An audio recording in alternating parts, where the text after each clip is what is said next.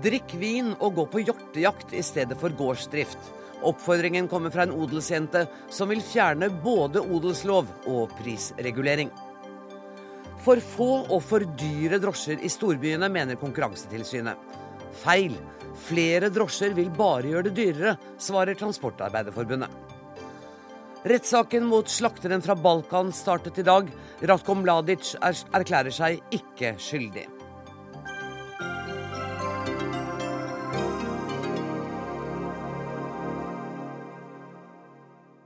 I løpet av eh, denne sendinga av varianten av Dagsnytt 18 skal vi også få en stemningsrapport fra Cannes, der den årlige filmfestivalen åpnet i dag. Men først skal vi holde oss på hjemlige trakter. Inn i studio har kommet Per Olaf Lundteigen fra Senterpartiet og Per Roar Bredvold fra Fremskrittspartiet. Jeg skal snakke med dere om et lite øyeblikk, men først vil jeg høre fra en som er med via Skype. For i VG i dag fikk vi et innblikk i hvordan virkeligheten er for ei odelsjente til en gård på Vestlandet. Anne Viken mener at norsk landbrukspolitikk gjør det umulig å tjene penger på å drive familiegården videre, og prisreguleringen på salg av landbrukseiendommer gjør at hun ville fått en skampris om hun la gården ut for salg. Dermed ser hun det som den beste løsningen å la loven ramle ned, jobbe med andre ting og heller bruke gården som feriebolig. Anne Viken, hvordan kom du fram til dette? Nei, Jeg er jo oppvokst på gård, og jeg har jo eh, håper jeg, jeg har jo sett i alle år hvor dårlig penger en tjener, hvor lite en tjener, og hvordan inntektene raser nedover. Jeg har sett hvor dårlig lønn og betaling en får for å holde kulturlandskapet ved, ved like. Jeg har klatra rundt oppi skogen og rydda kulturlandskap eh, for dumpingpris, eh, der en kunne like gjerne lagt på sofaen. En ville tjent like masse penger på det.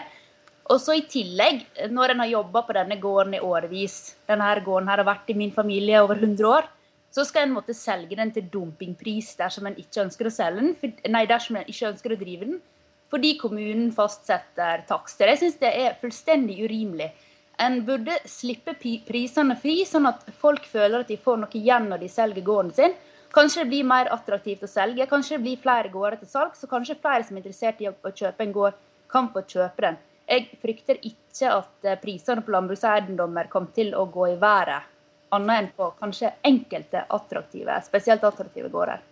Og Det høres i hvert fall ikke ut som du har, du har, noen sentimentale følelser i forhold til den gården. Og du skriver i avisen i dag når den norske stat har vært dum nok til å dele ut en gård til meg i det øyeblikket jeg blir unnfanget, får de ta konsekvensene. Og konsekvensene kan da være at norsk landbruk blir enda mer utarma enn det er. Ja, den kronikken er jo polemisk. Og veldig godt eh, skrevet, hvis jeg må få lov å si det. Jo, tusen takk for det.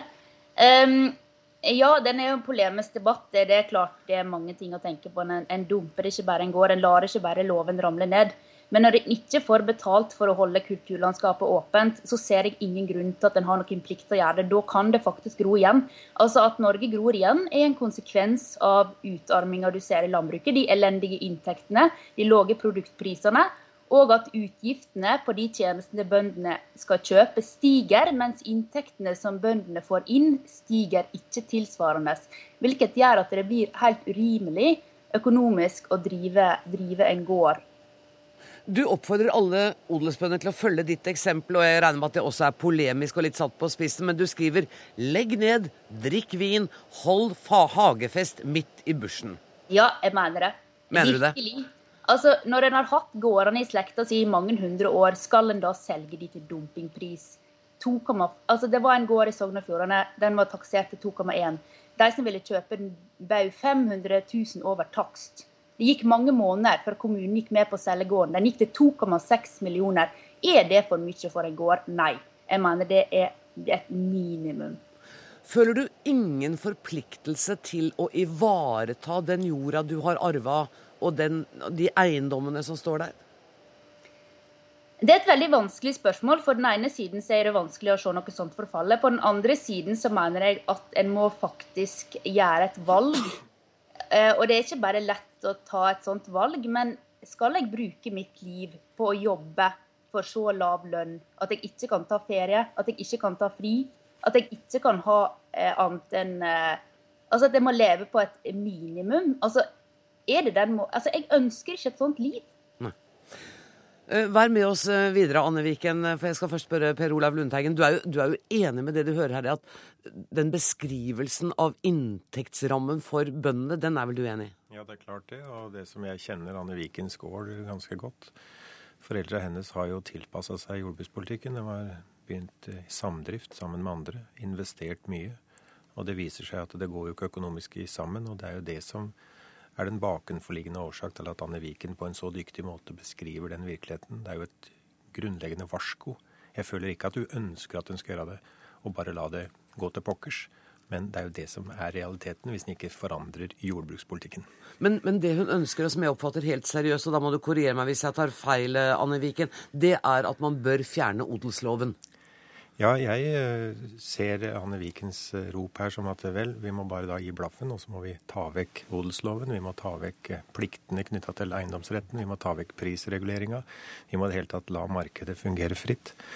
Konsekvensen av det er jo sjølsagt at du får en økt pris på arealene, for det blir jo da Eh, de som har mye penger, som kjøper det. Og dermed så blir det enda vanskeligere for de som da skal fortsette å drive mat i Norge. Så det er jo ikke løsningen. Men Anne Viken setter i gang en viktig debatt. Hun sier her at det, hvis dere ikke nå gjør noen endringer, så kan vi rett og slett bare la det seile og gå.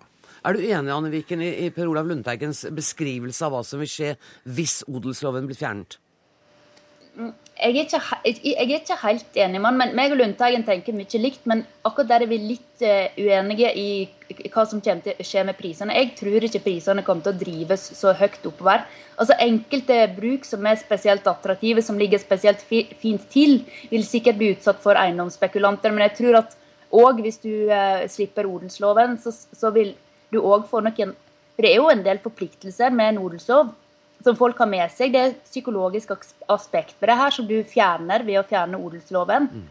Som gjør at det kanskje blir lettere for folk å kvitte seg med gården. da. Du har ikke lenger den pliktfølelsen. Og da vil antageligvis muligens komme flere gårder på markedet. Det blir òg attraktivt å selge dersom du vet at du kan få en million ekstra for gården din. For jeg tror ikke prisene kommer til å drives opp i Eh, enormt høye summer på den jevne gård i Norge. Eh, jeg tror det blir fullt overkommelig, og jeg syns at folk som skal kjøpe gård, må kunne betale like mye for en gård som det de betaler for, eh, for å bygge hus. Og dermed spiller jeg ballen over til Per Roar Bredvold, som sitter i næringskomiteen på Stortinget for Fremskrittspartiet. Odelsloven har dere vært interessert i å få fjerna lenge? Ja, Den har Fremskrittspartiet vært interessert i å fremme lenge, og vi har fremmet forslag om dette her. Og vi har òg fremmet forslag om at det ikke skal være noen makspris på en eiendom.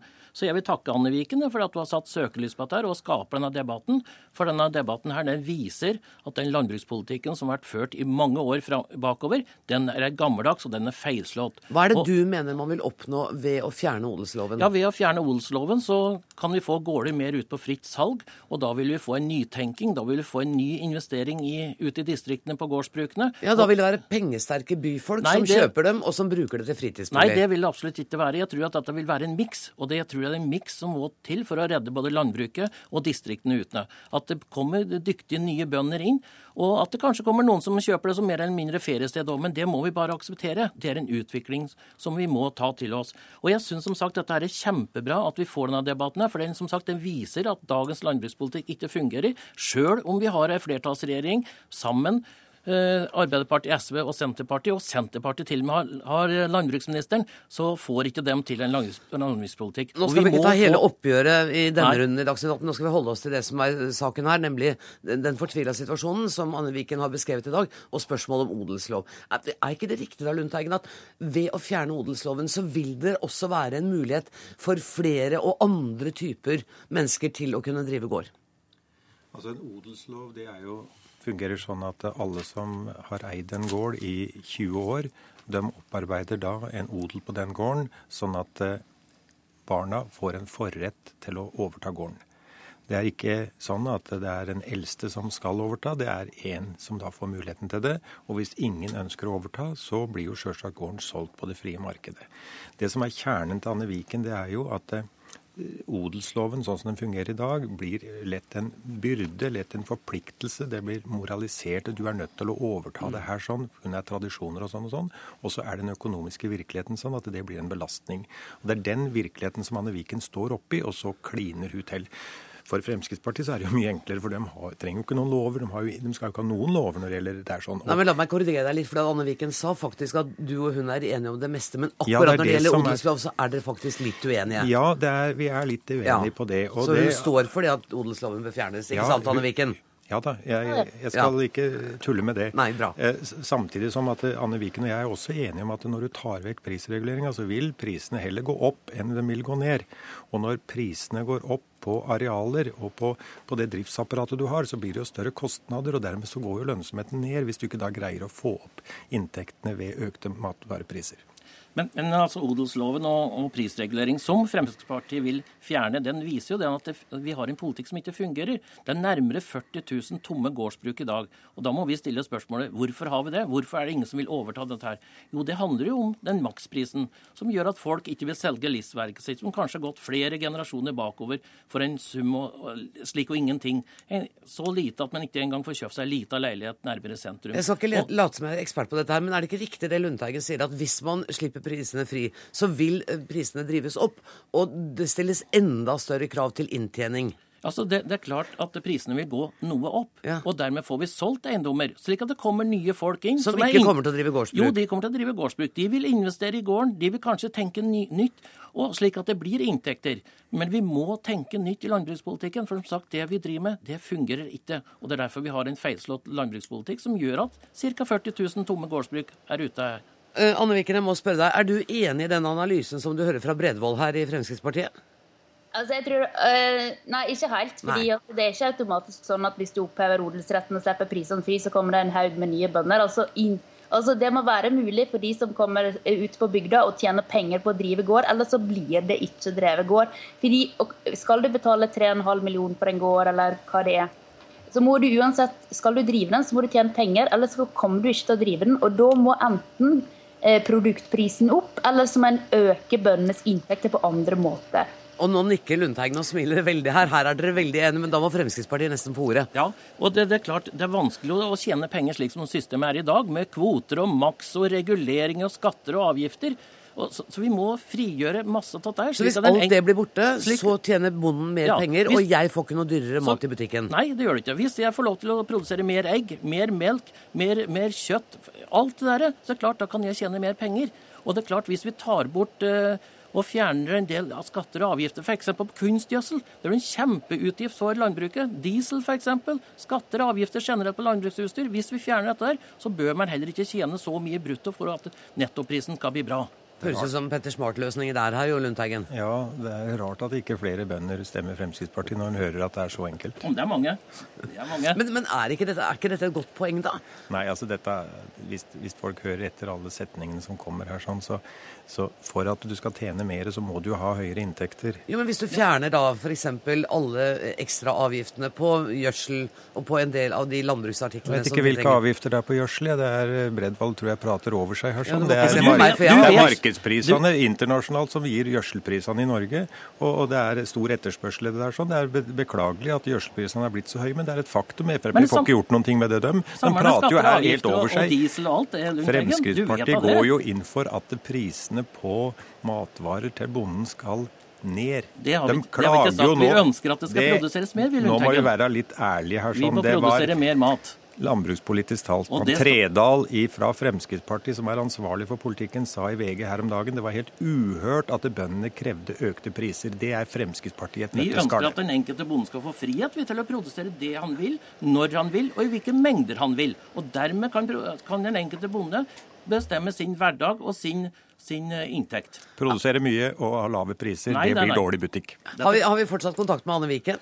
Det har dere. Jeg har bare lyst til å høre med deg. Hva skulle til for at du kunne tenke deg å drive gården og være bonde? Hva, hva må til? Hvis jeg skulle drive gården og være bonde, så skulle jeg hatt ei skikkelig årslønn på å drive den gården, sånn at jeg slapp å jobbe ved siden av. Og det skulle vært etter utgifter. Veldig, veldig klar tale der. Ja, Fremskrittspartiet, vær så Ja, altså Av de bøndene vi har, har igjen i dag, og det er veldig veldig få, det har aldri vært så få bønder, men av de få bøndene så er det kun 14,7% som har det som eneyrke. 14,7% Og det vi... Mener du at bønder i Norge skal jobbe på deltid? Er det det du sitter og sier? Nei, jeg syns det er helt feil at det er kun 14,7 av bøndene som, som har dette som De burde eneyrke. Klare seg med ett yrke. Ja, det er det jeg mener. Ja. Og da må vi gi muligheter til, en, til bøndene å klare seg med ett yrke. Og og vet er dere hva. Der tror jeg alle dere tre er enige. Jeg tror jeg Lundteigen er enig også. Bøndene kunne klare seg på den inntekta de har som bønder. Skal ha betaling for jordbruksarbeid sånn som en har for annet arbeid, det er spørsmål om respekt. Tusen takk for at dere kom, Anne Viken på Skype, Per Olav Lundteigen og Per Roar Bredvold. Og vi skal eh, til Frogner i Oslo. Og tro det eller ei, det dreier seg litt om samme tema. For Petter Stordalen har gjort om sitt hovedkontor til en låve med muligheter til å hoppe i høyet. Og leder av Rødt, Bjørnar Moxnes, er akkurat kommet i studio. Han sier at denne festen er et eksempel på at den rød-grønne skattepolitikken ikke fungerer. Men før vi slipper til deg, eh, Moxnes, så har jeg med meg reporter Linn Beate Gabrielsen. Hun går på gress utafor Stordalens låve. Har kjendisene og finansfolket begynt å more seg i bondekostymen enda, Linn? Ikke helt. eh, Midt eh, blant de fornemme bygårdene på Frogner så har jo Petter Stordalen gjort alt klart. Han har kledd opp hele sitt eh, hovedkontor som en låve, og han har forsynt seg grovt av markens grøde òg, vil jeg si. Her har han montert et bondens marked med all verdens av poteter og grønnsaker og det du kan tenke deg. Og så mye høy som det ligger på gata her, det tror jeg ikke Bygdøy og Allé har sett på en 100 års eh, tid. Ehm, Dørene de skal åpnes klokken 19, og da er det ventet at det kanskje skal dukke opp litt eh, flere gjester. Ehm, Trygve Hegnar han har venta dukket opp i Felleskjøpets grønne dress. Og på invitasjonen så så vi Stordalen-ekteparet med både møkkagreip og et lam rundt nakken. Dette her det ser ikke billig ut. I fjor så svidde Stordalen av 4 millioner kroner på en eh, hippiefest 16. mai, så vi får se hvor dyrt dette her blir. Men du, det høres ut som det er folk rundt deg. Jeg vil tippe at du kanskje ikke er den eneste journalisten som har tatt oppstilling der ute? Jeg er jo ikke det. Her er det journalister og fotografer med linser som er større enn kameraene i Dagsnytt 18. Og det er også ganske mange nysgjerrige folk som har eh, dukket opp.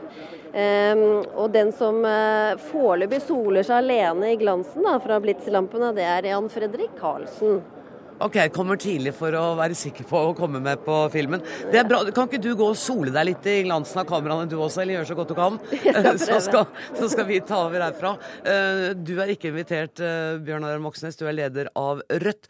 Og du har sagt tidligere i dag at denne festen her er et eksempel på at den rød-grønne skattepolitikken ikke virker. Eh, Hvor alvorlig kan man ta en fest blant eh, rike folk på vestkanten, ærlig talt? Ikke så veldig, men det er jo et, et symptom og et eksempel. Det som jo skapte begeistringa og ga flertall for de rød-grønne to valg på rad, var at de lovte en annen kurs enn de borgerlige. De lovte mindre skattelette, mer til fellesskapet, ruste opp offentlig infrastruktur og ikke minst mindre forskjeller mellom folk. Så ser vi nå at vi har fått en dobling i antall milliardærer under de rød-grønne og fått flere fattige eh, barn samtidig. De rikeste har aldri hatt det så godt som de har det i Norge nå, og det er altså i strid med de løftene som de rød-grønne vant valget på, og som er veldig gode, nemlig at det skal være mindre forskjeller mellom de rikeste og resten av oss. Torgeir Micaelsen, du er finanspolitisk talsmann for Arbeiderpartiet. Løftene er gode, realitetene er dårlige, mener Moxnes. Ja, slik snakker det jeg vil kalle, beklager, en venstrepopulist. For her snakker eh, Bjørnar Moxnes mot bedre vitende. Han vet nemlig veldig godt at når Arbeiderpartiet sammen med de andre rød-grønne vant valget i 2005, så var nå det første vi gjorde, det var ikke bare å avlyse noen av de skattekuttene i milliardklassen som Bondevik-regjeringen hadde foreslått, men vi økte også skattene eh, med nesten 12 milliarder kroner. Vi fjernet en rekke rabatter som de rikeste har eh, nytt godt av i formuesskatten og arveavgiften, til høylytte protester fra høyresiden og fra kapitaleierne. Eh, Og eh, vi innførte utbyttebeskatning, som ikke vi hadde hatt tidligere. Og alt dette samlet sett har jo ført til nå at vi har dokumentert at for første gang på en generasjon så flater forskjellene ut i Norge. Men det betyr ikke at vi skal være fornøyde, for det er dessverre nye eh, fattige folk som kommer inn i statistikken i Norge, og det må vi få gjort noe med. Men bevare meg vel, altså hvordan en, en fest skal liksom være et eksempel på at ting ikke fungerer, det syns jeg blir noe søkt, for å være helt ærlig. Men du, Michaelsen, når du sier at eh, Moxnes snakker mot bedre vitende, så er vel det det samme som på folkelig norsk sier at han ljuger? La meg svare på det. Ja. Ja. Eh, Jeg, kan si, Jeg jeg, kan- jeg, jeg tror ikke han, han gjør ikke det. Men Når folk snakker snak- mot bedre vitende, Ja, er så, så betyr det å lyve. Eh, Jeg, jeg vil heller bruke de første ordene, så kan jo Moxnes svare. Samme for meg, realiteten er den samme. Vær så god. Punkt én er at vi eh, applauderer ethvert tiltak fra regjeringa som gjør at de rike må skatte mer. Så Vi er veldig for det som er levert eh, så langt. Men punkt to er jo at reduksjonen som vi nå har sett eh, i inntektsfordelinga, skyldes én ting, nemlig at de innførte eh, skatt på eh, aksjeutbytte i 2006. Det var da forberedt av den foregående borgerlige regjeringa. I 05 tok da de rikeste ut 100 milliarder i aksjeutbytte ekstraordinært for å tilpasse seg det som kom eh, året etter, hvor det var et rekordlavt aksjeutbytteuttak blant de aller rikeste i Norge. Det vi ser er jo at til tross for eh, at de rød-grønne har lovt mindre forskjeller, så skatter de rike på langt nær nok i Norge. Vi har et par forslag til hva som kan gjøres for at de skal få lov til å bidra litt mer til, eh, til fellesskapet. Jeg kan nevne to av dem veldig kort. Eh, Det ene er jo å fjerne, eh, fjerne skjermingsfradraget eh, i forhold til aksjeutbytte. Det er en, en helt uforståelig sær, er det? særfordel. Det er på halvannen prosent. Hvis du har aksjer for 100 millioner, kan du da ta ut 1,5 millioner skattefritt. Det er skjermingsfradraget. Det andre er å ha toppskatt og, og trygdeavgift for utbytteinntekt, sånn som for, også for annen type inntekt. Michaelsen, hva sier du til disse to forslagene? Ja, dette er helt uaktuelt, eh, fordi det ville ført til eh, at eh, eh, hvis folk ønsket å investere penger i bedriftene, så ville de bli beskattet på et helt annen måte enn de hadde pengene i banken. Og det må være likebehandling. Det er tross alt bedre at folk investerer i bedrifter enn om man har penger i, i banken. Og Gjelder det det skjermingsfradraget Ja, det er, det er, det er det? skjermingsfradraget. Ja. Det er skjermingsfradraget. Men, men til det litt større bildet. Den norske modellen det er et barn av sosialdemokrati, og ikke den eh, ideologien som Moxnes, eh, tror jeg, i hvert fall i større grad eh, henvender seg til. Og den har klart, eh, på en ganske utrolig måte, vil jeg si Det er jo sånn at økonomer rundt omkring i verden klør seg litt i hodet når de skal forklare eh, den norske suksessen. Fordi vi har klart å kombinere det beste fra to verdener. Der har vi akseptert en markedsøkonomi som ligger i bånn, som en sånn type motor i eh, verdiskapningen, kombinert med sterk politisk styring, omfattende skattlegging som bidrar til en sterk fellesskapssektor.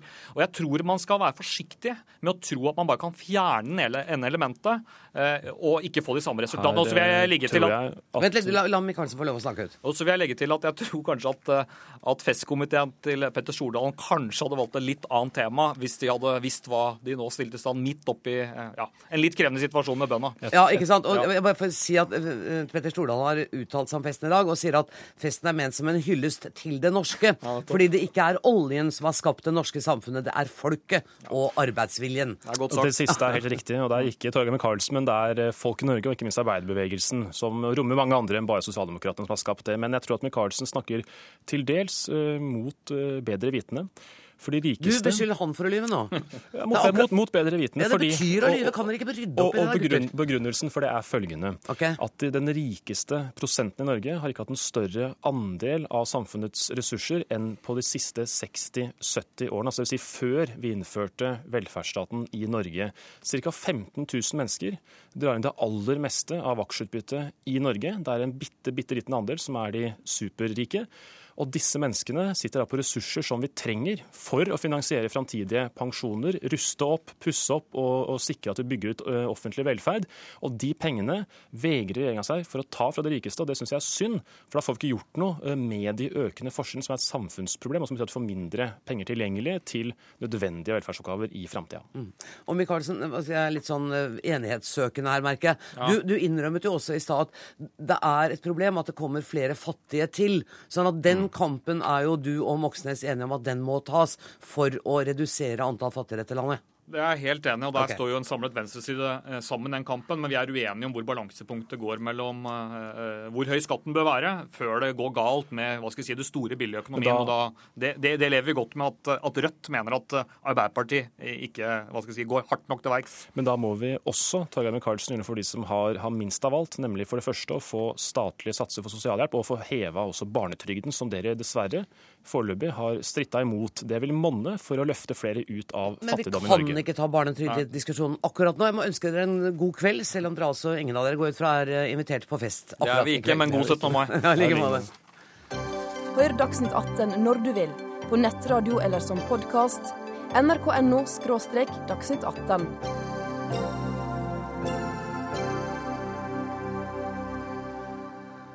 Akkurat nå sitter Telenors bedriftsforsamling sammen for å velge seg ny styreleder etter at Harald Norvik gikk av den 2. mai. Norvik trakk seg fra vervet som styreleder da han fikk beskjed om at næringsminister Trond Giske ikke hadde tillit til ham lenger etter TV 2-saken i januar. Det har stormet rundt teleselskapet, både pga. feiden mellom Norvik og næringsministeren, men også pga. de feilslåtte investeringene i India. Og det er Svein Aaser, tidligere konsernsjef i DNB Nor, som nå får roret for å skape ro for Telenor. Og reporter Kent Amar Eriksen, du er på Fornebu, der Telenor avholder generalforsamling og bedriftsforsamling nå i kveld. Har det kommet fram mye kritikk fra aksjonærene for det som har skjedd i selskapet den siste tida? I eh, rundt to timer fortalte Telenors ledelse om, årets, om siste års drift i selskapet til generalforsamlingen. Og som du sier, så har det blåst mye rundt eh, den norske telegiganten, og det var venta at eh, aksjonærene skulle stille selskapets avgjørelser til veggs. Men så kom det til tidspunktet hvor aksjonærene fikk gulvet, og da var det ikke ett eneste spørsmål som ble stilt om verken India eller salget av TV 2-aksjene. Var det litt sånn der er det en stor elefant i rommet, men vi snakker ikke om den-følelse? Ja, det kan du godt si. Men hva er det da som er blitt sagt i disse to timene, da? Jo, eh, den nylig avgåtte styrelederen Harald Norvik gjorde i dag sin siste plikt som styreleder etter at han trakk seg fra vervet som styreleder. Og da, siden styrets berettelse, avsluttet han med å gjenta sin kritikk om at eh, staten som hovedeier ikke burde ha blandet seg inn i salget av TV 2-aksjene. Denne gangen ble det konflikt. Det er uheldig, sa Norvik. Og han avslutta med å takke for seg og eh, for en gangs skyld ga faktisk salen litt lyd fra seg og applauderte. Og det betyr vel at han med det også ga en slags eh, advarsel til den påtroppende styreformannen, styreleder Svein Aaser, om at eh, vi har en dynamisk og meget innflytelsesrik næringsminister i dette landet? Nemlig. Tusen takk skal du ha, Kent eh, Amar Eriksen, reporter altså på Telenors generalforsamling. Terje Erikstad, du er leder av finansredaksjonen i Dagens Næringsliv. Er du overrasket over at det er liksom helt taust i generalforsamlingen? Nei, det er jeg ikke. For det er sånn aksjemarkedet fungerer. Hvordan da? Forklar meg dette. Eh, Det er slik at eh, aksjonærene, hvis de er misfornøyd med ledelsen i et selskap og det som skjer der, så velger de ofte bare selge aksjene sine og, og, og holde på med andre ting. De, de tar seg ikke bryet med å stille opp i generalforsamlinger, argumentere, eh, ta en offentlig debatt. De, mange aksjonærer sier klart og tydelig fra på bakrommet til ledelsen i selskapene om hva de mener. Men når det blir offentlig debatt, så trekker de seg gjerne unna. Så vi kan ikke tolke dette som et tegn på at Baksås har aksjonærenes uforbeholdne støtte, f.eks.? Det går ikke an å tolke det noen sånn? Det går ikke an å tolke det sånn. Det, det er slik det ofte er i eh, generalforsamlinger rundt omkring i norske eh, allmennaksjeselskaper og børsnoterte selskaper, at det veldig sjelden kommer eh, seriøse, ordentlige innlegg fra aksjonærene. De velger å holde seg borte fra den arenaen.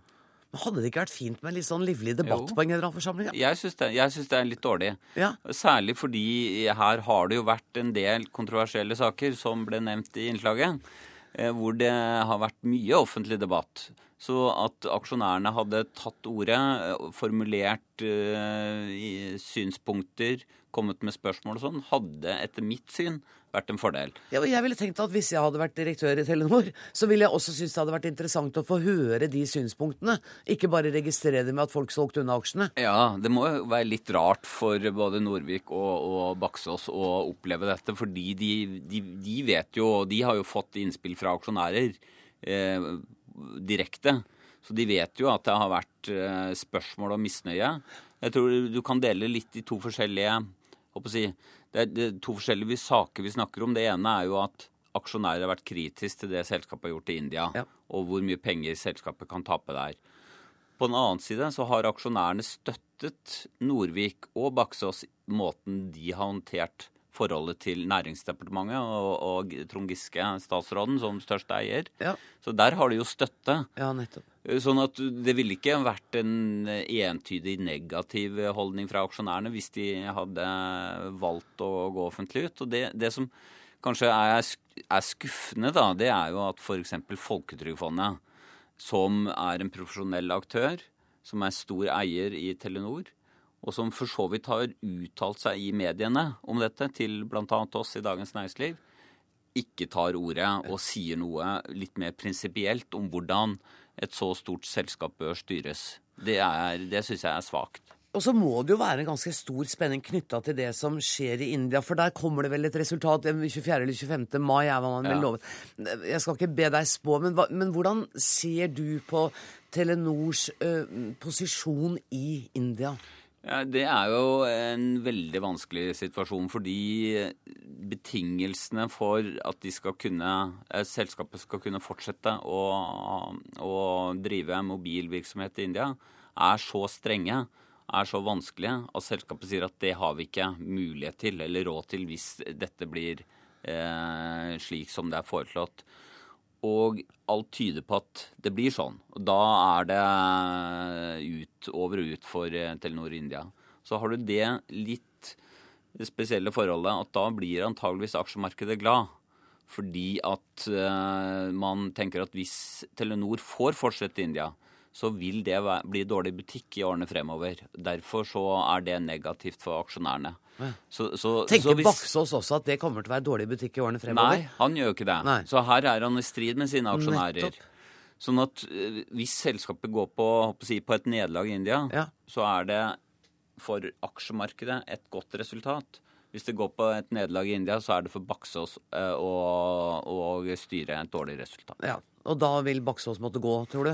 Ja, det veit jeg ikke, men det som, eh, dette er jo nok det første punktet Åse må ta tak i. Hva, hva er konsekvensen av utfallet i India? Enten at man fortsetter med, eh, med manglende tillit fra aksjemarkedet for den satsingen, Ja. eller at man eh, blir eh, må nødt til å legge ned, og dermed har tapt kanskje 17 eh, til 20 milliarder kroner på et, en mislykket satsing, og hvilke konsekvenser har det for selskapets ledelse? Ja, ikke sant? Og det vil jo være en av de største, et av de største utenlandstapene i norsk næringslivshistorie, vil det ikke Ja, ikke bare- 17 ikke til ba- 20 milliarder? Ikke bare utenlands, men ever. Altså at man har investert 17-20 milliarder og sitter igjen med null. Det er jo en formidabel uh, fadese. Ville du ha sagt ja til å bli styreleder i det firmaet der nå? Jeg tror ikke jeg hadde eh, vært kvalifisert til å være styreleder. Jeg tror de har fått en styreleder som, eh, som har eh, Han har jo lang erfaring, ikke fra bransjen, men fra å lede store selskaper. Eh, Så han har jo, er jo vant med, med vanskelige situasjoner. Eh, Så det går nok bra. Sånn som du beskriver det nå, så er det ikke drømmejobben, tenker jeg. Det er ikke det. Men jeg syns det er veldig viktig å få frem at Telenor er egentlig ikke et selskap i krise, selv om de har fått mye dårlig oppmerksomhet, eller dårlig PR. Og det er, det er et selskap som utenom India og denne krangelen om TV 2-salget går veldig bra. Og som eh, vokser, og som tjener mye penger. Kanskje for mye sett fra et forbrukersynspunkt, fordi de er flinke til å ta høye priser, og de har en veldig dominerende posisjon i Norge og vokser i utlandet. Men for aksjonærene så er det et godt selskap. Tusen takk for at du kom i studio, Terje Erikstad.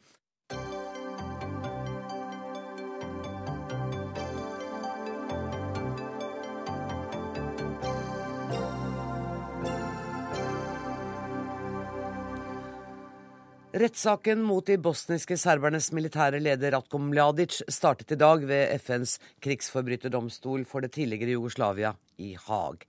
Tiltalen mot ham er svært alvorlig.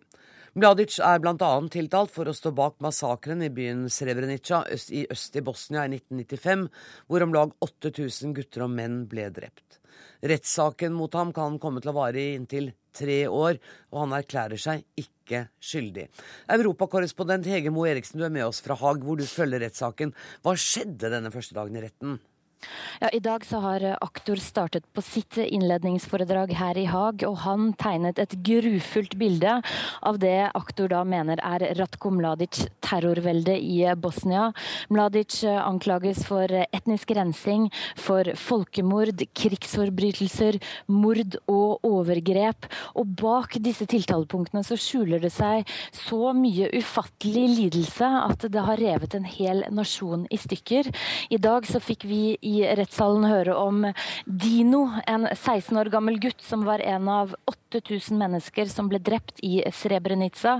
Dino var ingen soldat, han var ingen fiende, men den lille gutten ble da bakbundet og filmet idet soldatene pepret han med skudd.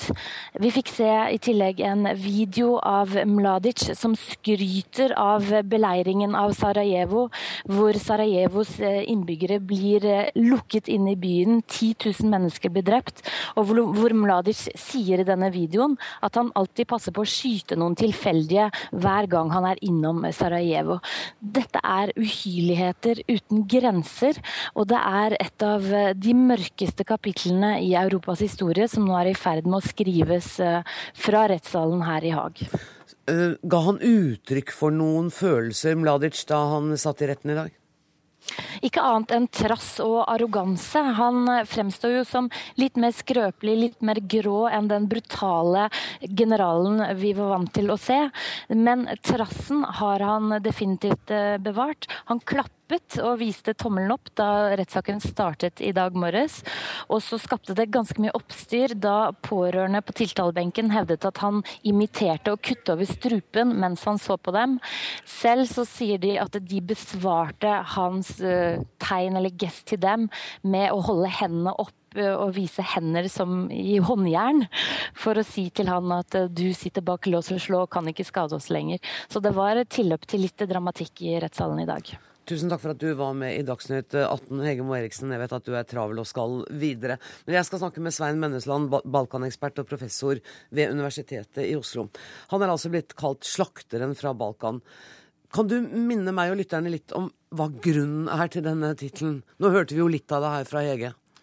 Ja, du mener litt om uh, hva, bakgrunn, hva var det som skjedde? Som skjedde? Ja, ja, det er så fort å glemme det. Liksom, det er på 90-tallet, ikke sant? Ja, det er lenge siden. Vi må tilbake til våren 1992. Da Jugoslavia har gått i oppløsning, Slovenia, Kroatia og Makedonia har revet seg løs. Nå er spørsmålet hva gjør Bosnia-Hercegovina? De har to muligheter. Enten kan de også bli en selvstendig stat, eller de kan gå sammen med Serbia og Montenegro i en sånn restjugoslavisk stat. Det ble holdt en folkeavstemning i mars 92. Flertallet, kroatene og muslimene, stemmer for uavhengighet. Den serbiske minoriteten, eller delen av befolkningen som utgjorde 31 er imot. Og øh, i april erklærer Bosnia-Hercegovina seg som en uavhengig stat, og serberne går til angrep. Og de har den jugoslaviske hæren på sin side. I mai blir eh, Ratko Mladic innsatt som øverstkommanderende for denne bosnisk-serbiske eh, hæren, som altså har våpen og utstyr fra den tidligere jugoslaviske hæren, så mye de trenger. De tar kontroll over 70% av territoriet i Bosnia ganske fort, uten kamper egentlig, for de andre har ikke våpen. Og så setter de inn den etniske rensingen. For da, Det er det som er det tragiske. for Hadde de bare tatt kontroll over områdene Men de har altså i, en forestilling om at områdene må være etnisk rene, som det heter. Altså bare serbere og de, den ikke-serbiske befolkningen skal vekk. Enten da ved å bli massakrert, det skjedde, men de aller fleste blir skremt vekk og blir flyktninger. Vi får en flyktningstrøm i 92, en par millioner. Mm. Sarajevo blir beleiret. Eh, beleiringen starter i i, i uh, april 1992 og var altså i tre og et halvt år. Byen er helt omgitt av serbiske styrker. At Komladic og hans styrker som er på åsene rundt byen, kan uh, sikte ned med, altså med snikskytere, granater og uh, skyter det som beveger seg ned i byen. Og byen er helt avskåret. De stengte av vann og strøm og gass selvfølgelig, og matforsyninger. Men takket være en gigantisk luftbro fra FNs side, som altså FN hadde flyplassen, så overlever folk i disse tre og et halvt årene, men under forferdelige forhold. 12 000 mennesker, de fleste sivile, blir drept inne i Sarajevo bare. Og han har jo skjønt at det brant under føttene på ham, for han har gått i dekning. Og han ble ikke pågrepet før i fjor. Nei, det gikk 16 år. Men eh, han oppholdt seg jo i Serbia, og de første årene så beveget han seg jo ganske fritt i Serbia. Han ble sett på restauranter og fotballkamper osv. Eh, og var ikke noe redd for under Milosevic-regimet i det hele tatt. Men etter Milosevics fall så begynte det å brenne mer under føttene. og Da måtte han holde seg skjult, men ble nok i mange år beskyttet av sterke krefter i Serbia, kanskje innenfor militæret. Og det var først med det demokra med demokratiske regimet til Tadic for to år siden at han da i fjor ble tatt og utlevert til Haag. Og nå kan altså den rettssaken komme til å pågå i flere år. Tror du at han blir dømt i henhold til aktors tiltale? Ja, det tror jeg. For det, her er bevisene så overveldende. Og, Men han sier han er uskyldig? Ja, det sier han. Og, og han har jo forsvarer, og dette, dette, vil jo bli en rettssak med vitner for og imot. Eh, aktoratet har innkalt over 400 vitner, og det blir sikkert noe tilsvarende, så dette tar tid. Men det kommer til å bli en grundig rettssak, og det kommer til å bli en dokumentasjon av det som skjedde eh, mellom 1992 og 1995 i Bosnia. Så selv om den tar lang tid, så mener du at det er viktig å få dokumentert og ja, få denne dommen? Ja, Det er viktig å få det dokumentert. Det er viktig å få dømt en av de mest ansvarlige for det som skjedde i disse årene. Og Det er viktig for folk i Bosnia som opplevde disse grusomhetene. Og det er viktig for oss alle at det kommer en slags avslutning på, på det som skjedde. Men han har jo fortsatt tilhengere? Mm. Han har fortsatt tilhengere? Ja da. Det er eh, grupper blant serbere som ser på han som en helt. Og man kan se bilde av han, og han blir hyllet. Men dette er jo etter hvert utgrupper. Marginale? Ja, mer eller mindre marginale. Selv om mange serbere i Bosnia har hatt problemer med å godta disse påstandene om at det var folkemord i Srebrenica, og prøvd å dekke over det, så er det nok de mer ekstreme som hyller Mladic som nasjonal helt i dag. Vi kommer nok til å følge denne rettssaken i løpet av de år den skal være. Tusen takk for at du kom, professor Svein Mønnesland.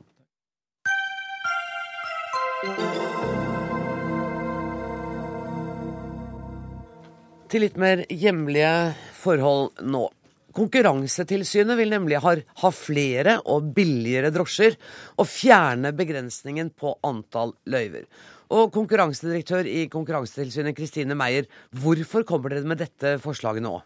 Vi har kommet med to forslag. Vi sier både at vi ønsker å avskaffe behovsprøving av løyve, men vi sier også at vi ser behovet for å få bedre prisinformasjon ut til kundene. Vi har fått mange henvendelser fra personer som ønsker å starte med taxitransport, men de får ikke lov. Noen av disse ønsker å bringe inn helt nye konsepter inn i markedet, f.eks. med fokus på miljø. Men de som ønsker å etablere seg, står overfor lange ventelister der kriteriet er ansiennitet. Så det er grunnlaget for at vi ønsker å gjøre dette. Men, men trenger vi virkelig flere drosjer i gatene i de store byene i Norge? Det vi vet er at dette markedet fungerer ikke noe godt. Det er kapasitet og lange ventetider. Samtidig så er det mange som ønsker å komme inn med nye konsepter. Det er det ikke plass for. Vi opphevet for noen år siden prisreguleringen, men vi har fortsatt en mengderegulering. Og vi kan ikke forstå hvorfor vi skal ha byråkrater som sitter på sine kontor og gjetter hva kundene ønsker. Det var mye bedre at dette reguleres av tilbud og etterspørsel i markedet selv. Forbundsleder i Norsk Transportarbeiderforbund, Roger Hansen. Er det ikke mye bedre at markedet regulerer dette selv, enn at dere skal ha byråkrater sittende på kontoret og bestemme hvem som skal få løyve til enhver tid?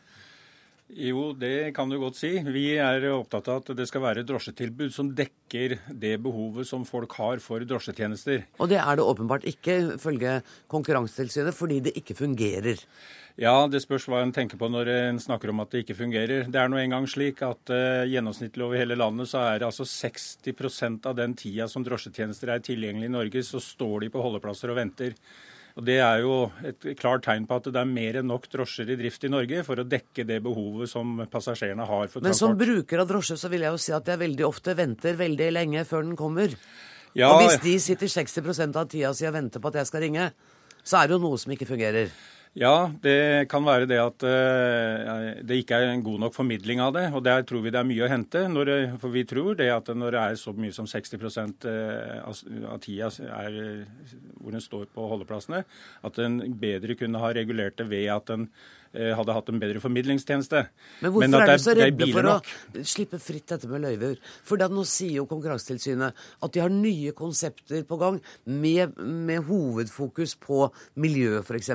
Hvorfor er dere da litt bakstreverske i forhold til dette? Vi er ikke bakstreverske i forhold til miljø. Vi er, hilser det velkommen og ønsker både elektriske og hybridbiler og alt det velkommen. Og det kan en jo eh, gi incitamenter til at de etablerte selskapene kan benytte. Så det, det syns jeg ikke har noe med dette her å gjøre. Det som er, er, problemet her, det er jo det at en ønsker å frislippe dette totalt inn i, inn i en næring hvor det er stor fare for at de som allerede sliter med å få butikken til å gå rundt, kommer til å gå konkurs, og vi, arbeidsplasser blir, blir borte.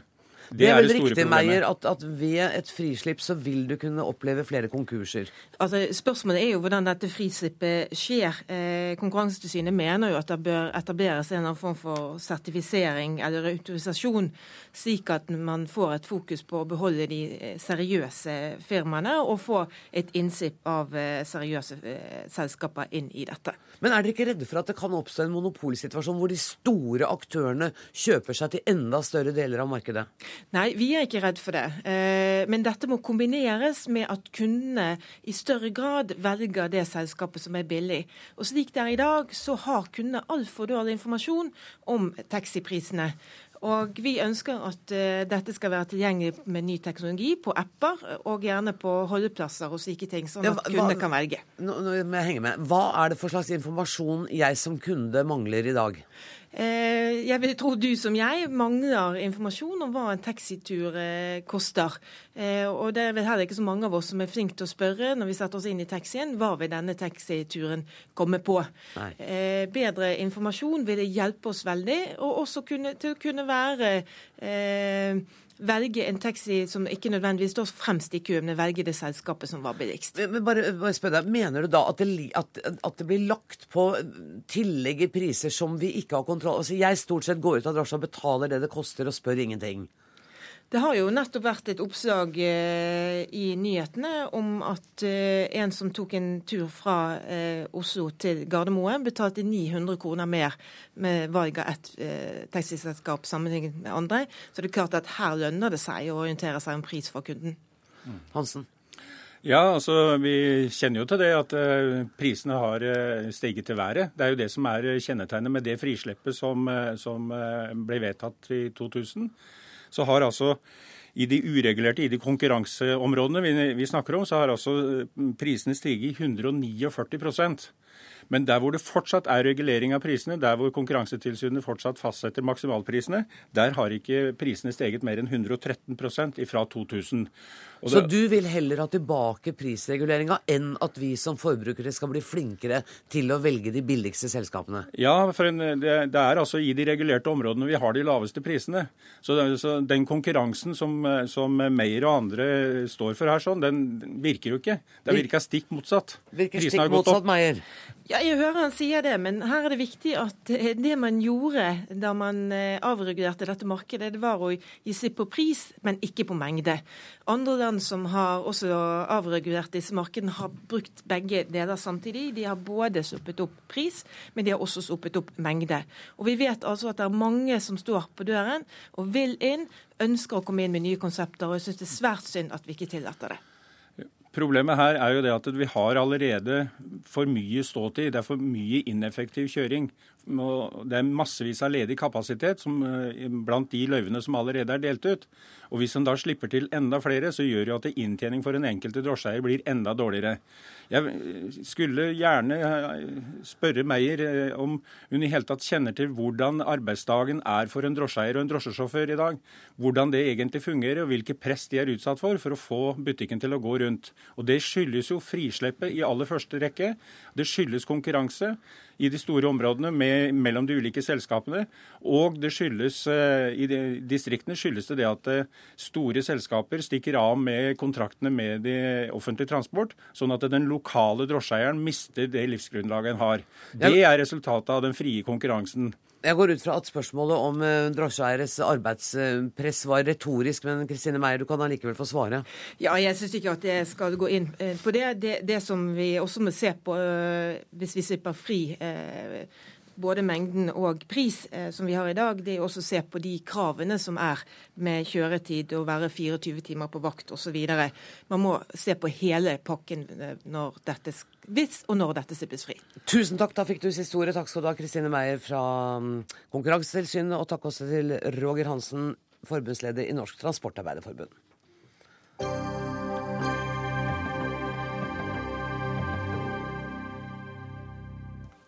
Nå rydder vi plass til litt glamour her i Dagsnytt 18. For i dag åpner verdens største og viktigste filmfestival for 65. gang. Og nå poserer stjernene for fotografene på den røde løperen. Og ved den røde løperen er også du, Stine Tråholt, reporter her i NRK. Ser du noen kjendiser der du står? Jeg står og ser på.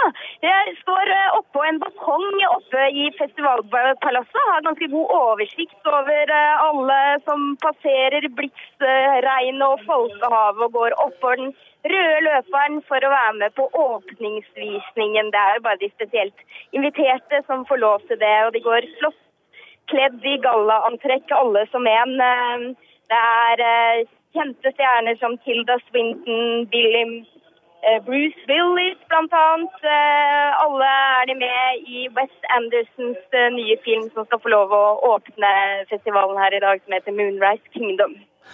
Hvor viktig er det å være den som har produsert åpningsfilmen på denne festivalen?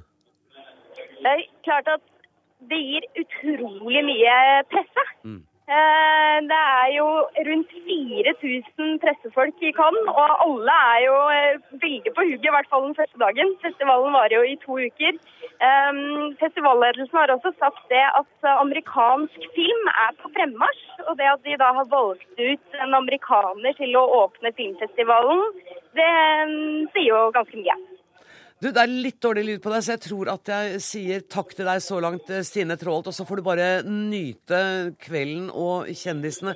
Vi fortsetter her og sier velkommen til Anja Breien. Du er regissør. Du deltok i hovedkonkurransen i Cannes og kjempet om Gullpalmen i, om, med filmen 'Arven' i 1979. Filmfestivalen i dag startet uten en eneste kvinnelig regissør i hovedkonkurransen. Hva tenker du om det? Ja, det syns jeg. Altså, jeg tenker at uh, når jeg ser på listen av de regissørene som er der, så er det åtte av de 22 som er veldig berømte. Sånn at det kan enda et uhell at plutselig så har veldig mange gode regissører filmer inne samme år, da. Ja. Det kan hende. For i fjor var det fire kvinnelige regissører som ja. var representert. Så ja, nettopp. Det, vi kan jo håpe. Det kan hende. Det kan også hende at den mappa som heter kvinnemappa på harddisken har falt ut. Ja, det, det, har jeg hørt skje med menn fra til landet. I hvert fall de som velger ut. Men du, litt, jeg må høre litt om Du har vært der mange ganger. Ja. Uh, og altså, det har jo vært skandaleomsuste begivenheter. Ja. Brigitte Bardot. Ja. ja, det var jo den tiden da Cannes-festivalen var veldig omsust fordi at uh, det var så mye nakenhet på stranden og sånn. Det er det ikke så mye av nå. Men da var den kulørte pressen var veldig mye av naken. Det er nok en del av det nå på stranden også, men nå er jo folk nakne i filmene òg, så det er liksom ikke det samme. Det er ikke noe big deal. Du, jeg har, jeg har, et par bilder her. En fantastisk Anja Breien på, in, fra 1979. Ja, ja, ned trappen, ja. ja. Festivalen. Ja, Sammen med Henning Karlsen. Nettopp. Ja. Hvordan føltes det å være der? Brukte du mye tid på å finne kjole, f.eks.? Nei, i grunnen ikke. ikke sånn Nei, jeg fant den vel. Jeg husker ikke hvordan det var, jeg. Det var, det var mindre den gangen. Ja. Altså, det var et mindre palass. Veldig, veldig, veldig fint festivalpalass. Ja. Og, og, men, men det er et større jippo nå. ja. Og her, da? Hva, hva er dette bildet? Det er pressekonferansen på Arven, og ved siden av meg sitter da Anita Bjørk, som spilte en rolle i Arven. Nettopp. Og Anita Bjørk var jo med i den filmen som fikk pris i 1953, 'Frøken Julie'. Den store filmatiseringen. Hvor viktig var det faglig for deg, altså omdømmemessig, å bli nominert, være blant de utrukne i konkurransen om Gullpalmen? Det var, det var stort. Det var det, altså. Det var det. Men jeg, jeg tror det er større i dag, for festivalen er større. Eller det er mer oppmerksomhet rundt det. Så, så men det var eh, Ja, det var, det var gøy, altså. Og det var jo veldig gode filmer i konkurransen. Det var 'Apokalypse nå' til Coppola vant, og det var 'Herzog' hadde, og 'Blikktrommen' til osv. Men du, er, du har jo vært en avantgardist. Jeg så at eh, et internasjonalt filmmagasin sa at, eh, sa at du var dogmeregissør 20 år før dogme ble oppfunnet som begrep. Hustrufilmen var jo laget etter noen lignende prinsipper, da. Men eh, John Cassavetes var da dogmeregissør før meg igjen, kan man si. Ja. Som, fordi vi jobbet jo sånn da skuespillerne var med å forme dialogene og, og jobbet på manus. Ble du ikke lynforbanna noen ganger da når de skulle komme inn med innspill til dialogene? Nei, det, for vi hadde en sånn, vi hadde en struktur, og, og vi skrev det sammen. Og de fikk eh, jo ansvar for sin rolle, på en måte, da. Også på manusstadiet, i stor grad.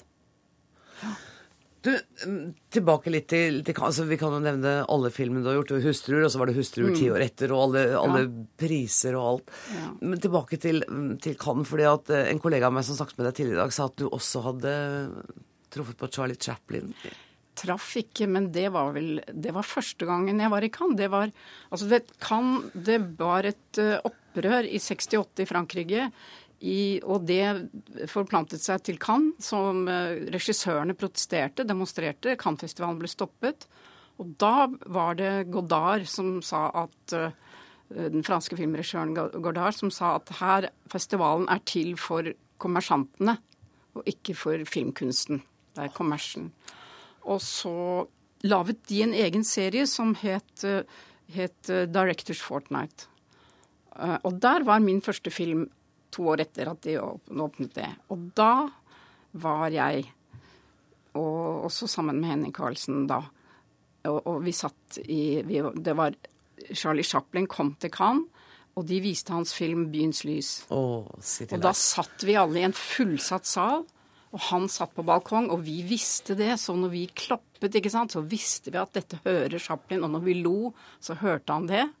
Og når vi da gikk ut, så stimlet vi jo sammen rundt den trappen hvor han kom ned, og da ser du Charlie Chaplin komme ned, og det er jo filmhistorisk. Det er hele filmhistorien som kommer ned trappen, nesten.